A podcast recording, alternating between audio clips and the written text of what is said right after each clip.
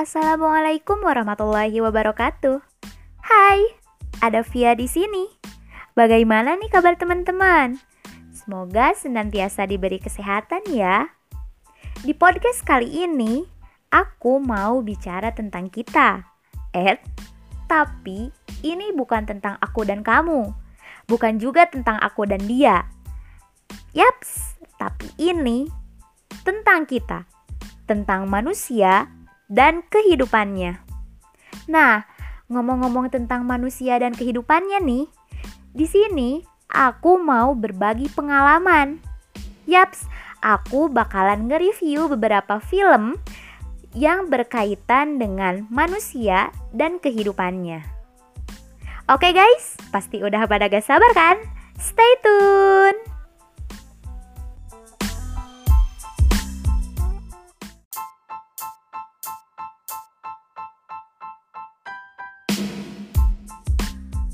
Oke guys, film pertama yang akan aku review berjudul Urban Series 1 Hashtag Nyampah. Film ini adalah bagian dari kampanye permasalahan lingkungan kota dari Greenpeace Indonesia yang berkolaborasi dengan Watchdog. Nah, dari film ini aku nemuin tiga poin penting nih guys. Apa saja sih poin penting itu? Yang pertama adalah tentang realitas persampahan. Nih guys, di film Urban Series 1 hashtag nyampah ini kita diperlihatkan pada sampah masyarakat perkotaan yang begitu banyak karena masih belum bisa diimbangi dengan pengelolaan yang mumpuni hingga sampah itu berakhir hanya tertumpuk di TPST Bantar Gebang.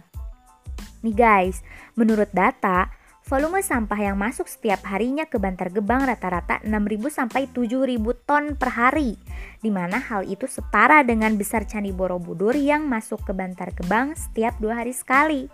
Nah, setelah ditelusuri, sampah-sampah yang tertumpuk itu didominasi oleh tipe sampah FMCG atau Fast Moving Consumer Goods, di mana tipe sampah itu dihasilkan dari cemilan makanan ringan, minuman kaleng, dan lain-lain. Nah, sampah plastik itu yang menjadi urusan panjang bagi kehidupan alam kita. Kenapa demikian nih guys? Karena Ketika sampah itu terbuang ke tanah, maka tidak akan terurai dan akan mengganggu tanaman. Nah, ketika sampah itu terbuang juga ke saluran air, tidak akan terurai, Aka, tapi akan terkumpul dan lama-lama menjadi penyebab banjir. Kemudian, jika sampah itu terbuang ke laut, tidak akan terurai juga, tapi hanya akan menjadi mikroplastik nih guys. Nah, Menurut World Economic Forum dalam The New Plastics Economy Rethinking the Future of Plastics pada tahun 2050, jika manusia tidak berubah, jumlah mikroplastik akan jauh lebih banyak daripada ikan. Nah guys, menurut beberapa referensi yang aku baca juga, setelah hutan habis digunduli oleh manusia, maka sumber protein manusia itu hanya bergantung dari laut nih guys. Nah, Jangan terkejut ya, apalagi terheran-heran nih guys, karena ini bicara tentang kita. Yaps, tentang manusia dan kehidupannya. Nah, poin kedua yang aku dapetin dari review film ini yaitu mengenai regulasi persampahan. Nah, menurut Fajri Padilah, pakar hukum lingkungan dari Indonesia Center of Environmental Law atau ICEL, dia mengemukakan bahwa ada undang-undang yang mengatur tentang pengelolaan sampah nih guys. Penasaran gak sih undang-undangnya apa? Yaps, undang-undangnya itu adalah Undang-Undang Nomor 18 Tahun 2008. Nah, di film Urban Seri 1 Hashtag Nyampah ini juga kita diperlihatkan pada seorang perempuan yang sudah berusaha untuk mengurangi pertumbuhan sampah plastik nih guys. Apa aja sih yang dia lakukan? Nah, dia melakukan berbagai upaya untuk mengurangi pertumbuhan sampah plastik itu. Yang pertama, dia menggunakan benda yang reusable. Kemudian yang kedua, dia juga menggunakan pakaian yang sustainable fashion, bukan pakaian yang fast fashion nih guys. Kemudian yang ketiga, dia juga sudah membuat kompos sendiri.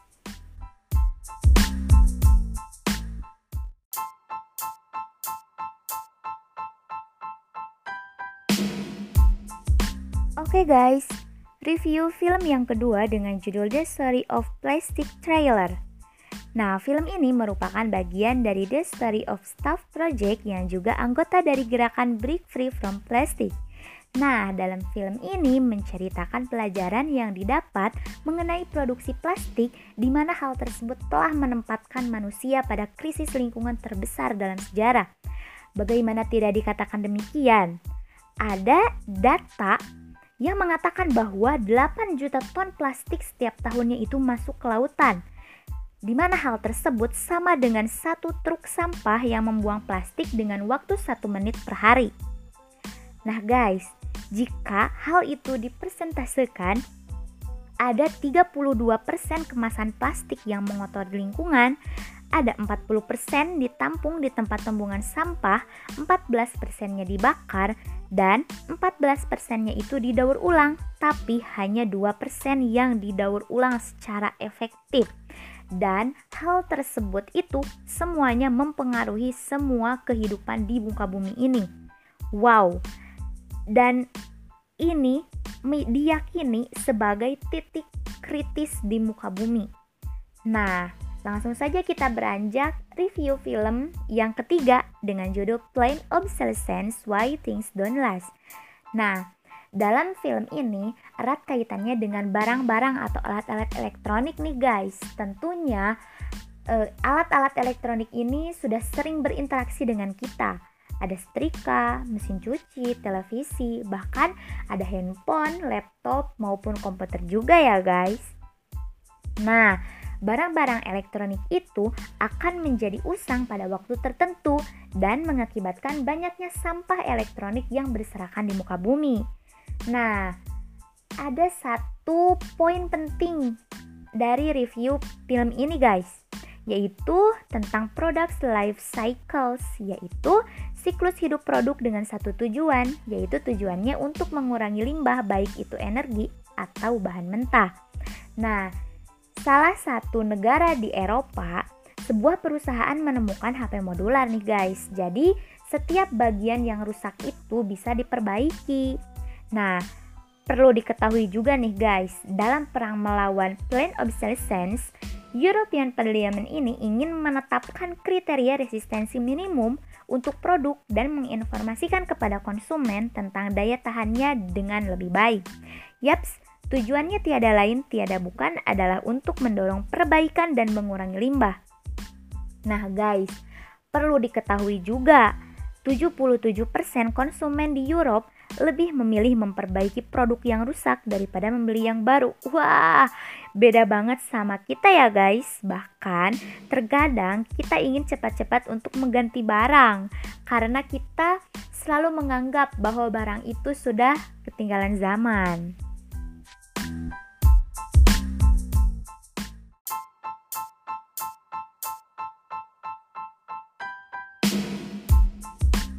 Oke okay guys, film keempat yang akan aku review tidak kalah membuat kita terkesima nih guys. Film dengan judul Wall-E yang disutradai oleh Andrew Stanton yang diproduseri oleh Pixar Studio Production ini menceritakan tentang sebuah robot yang bernama Wall-E yang diprogram khusus untuk memadatkan sampah di bumi. Diceritakan pada tahun 2110 bumi sudah tidak layak dihuni oleh manusia karena banyak sampah yang menggunung di segala penjuru bumi, badai yang menghantam, serta cuaca yang semakin tidak terkendali. Oleh karena itu, manusia pun diangkut ke sebuah kapal raksasa bernama kapal Axiom dan tinggal nyaman di sana. Sementara itu, robot-robot buatan manusia seperti Wall-E dan kawan-kawannya dibiarkan untuk tinggal di bumi dengan tugas untuk membersihkan sampah nih guys. Namun nyatanya, setelah ratusan tahun berlalu, sampah-sampah itu tidak dapat teratasi. Malah hanya tersisa satu robot Wall-E yang setiap harinya terus bekerja untuk memadatkan sampah yang hanya ditemani oleh sahabatnya, yakni seekor kecoa nih guys.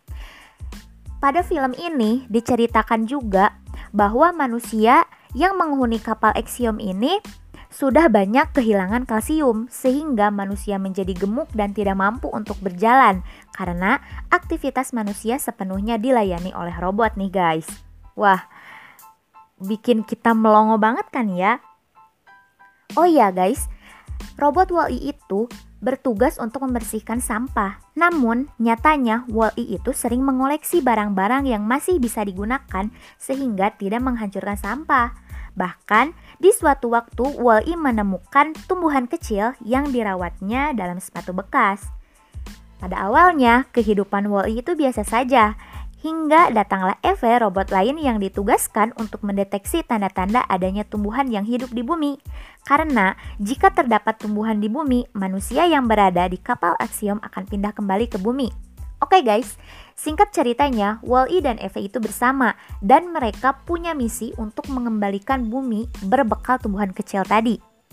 Yap, setelah dilewati berbagai adegan yang menegangkan di film Wall-E, akhirnya Wall-E meminta Eve untuk menyerahkan tumbuhan kecil itu ke pusat kapal Axiom agar dapat mengembalikan bumi. Dan usaha tersebut berhasil nih guys. Manusia kembali tiba di bumi dan memperlihatkan manusia belajar menjadi manusia kembali serta membangun kembali bumi agar tetap lestari.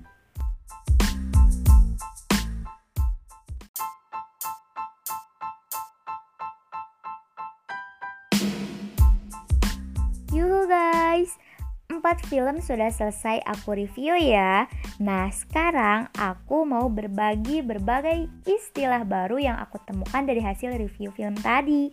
Nah, istilah yang pertama ada FMCG atau Fast Moving Consumer Goods yang artinya produk-produk yang memiliki perputaran produksi dengan cepat. Kemudian ada istilah reusable yang artinya bisa dipakai ulang. Kemudian ada mikroplastik yaitu potongan-potongan kecil plastik yang ukurannya kurang dari 5 mm. Nah, ada juga istilah sustainable fashion dan fast fashion. Nah, kalau sustainable fashion itu merupakan konsep produksi pakaian yang sifatnya ramah lingkungan nih guys. Sedangkan fast fashion artinya model fashion yang berganti dalam waktu yang sangat singkat atau cepat. Nah, dari hasil review film tadi juga ada istilah 3R nih guys, yaitu reduce, reuse, dan recycle. Nah, kemudian ada istilah planned obsolescence, yaitu jika ditranslatekan ke dalam bahasa Indonesia artinya keusangan terencana adalah merancang suatu produk dengan rentang hidup yang sengaja dibuat terbatas sehingga produk tersebut akan usang setelah periode tertentu. Kemudian ada product life cycles yaitu siklus hidup produk. Kemudian ada juga kata resistensi, di mana dalam film ini kata resistensi ini merujuk pada sikap yang berusaha bertahan atau menentang. Nah guys, ternyata WALL-E dan LV itu adalah singkatan. WALL-E singkatan dari Worst Allocation Load Lifter Earth Class dan EV adalah Extraterrestrial Vegetation Evaluator.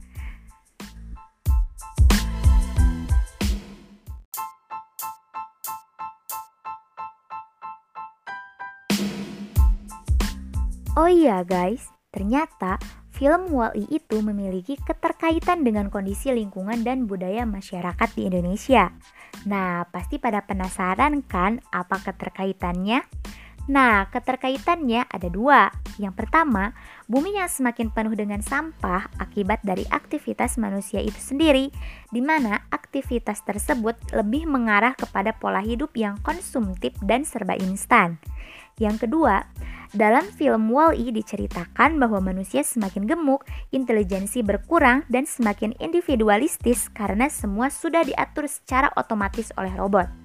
Nah, dalam realitasnya ya guys, saat ini pun teknologi sudah sangat memfasilitasi manusia untuk beraktivitas secara cepat dan efisien. Namun, di balik itu semua, Apabila manusia tidak dapat mengontrol dirinya, maka manusia akan menjadi budak teknologi dan tidak bisa berbuat apa-apa tanpa teknologi itu. Nah, oleh karena itu, terdapat beberapa pesan yang bisa kita petik setelah review keempat film tadi. Nah, yang pertama ada perubahan gaya hidup. Yaps, kita sudah seharusnya untuk melakukan perubahan gaya hidup, karena melakukan perubahan gaya hidup bukanlah suatu hal yang mustahil untuk dilakukan, ya, guys. Contoh sederhananya, kita bisa melakukan 3R. reduce, reuse, dan recycle untuk mengurangi pertumbuhan sampah plastik di muka bumi ini. Nah, kemudian pesan yang terkandung dalam film-film tadi yang berkaitan dengan plain obsolescence, aku akan mengutip dari salah satu filmnya, di mana ada salah satu tokoh pria yang mengatakan bahwa ketika Anda membeli produk yang berkualitas, di sanalah tidak ada plan obsolescence atau keusangan terencana. Misal, kabel yang bagus dan kabel yang tahan lama. Sebaliknya, jika kamu membeli apa itu barang yang termurah, itu tidaklah dibuat dengan e, bahan yang tahan lama, tetapi hanya bertahan dalam waktu tertentu saja. Nah, jadi seperti itu, guys.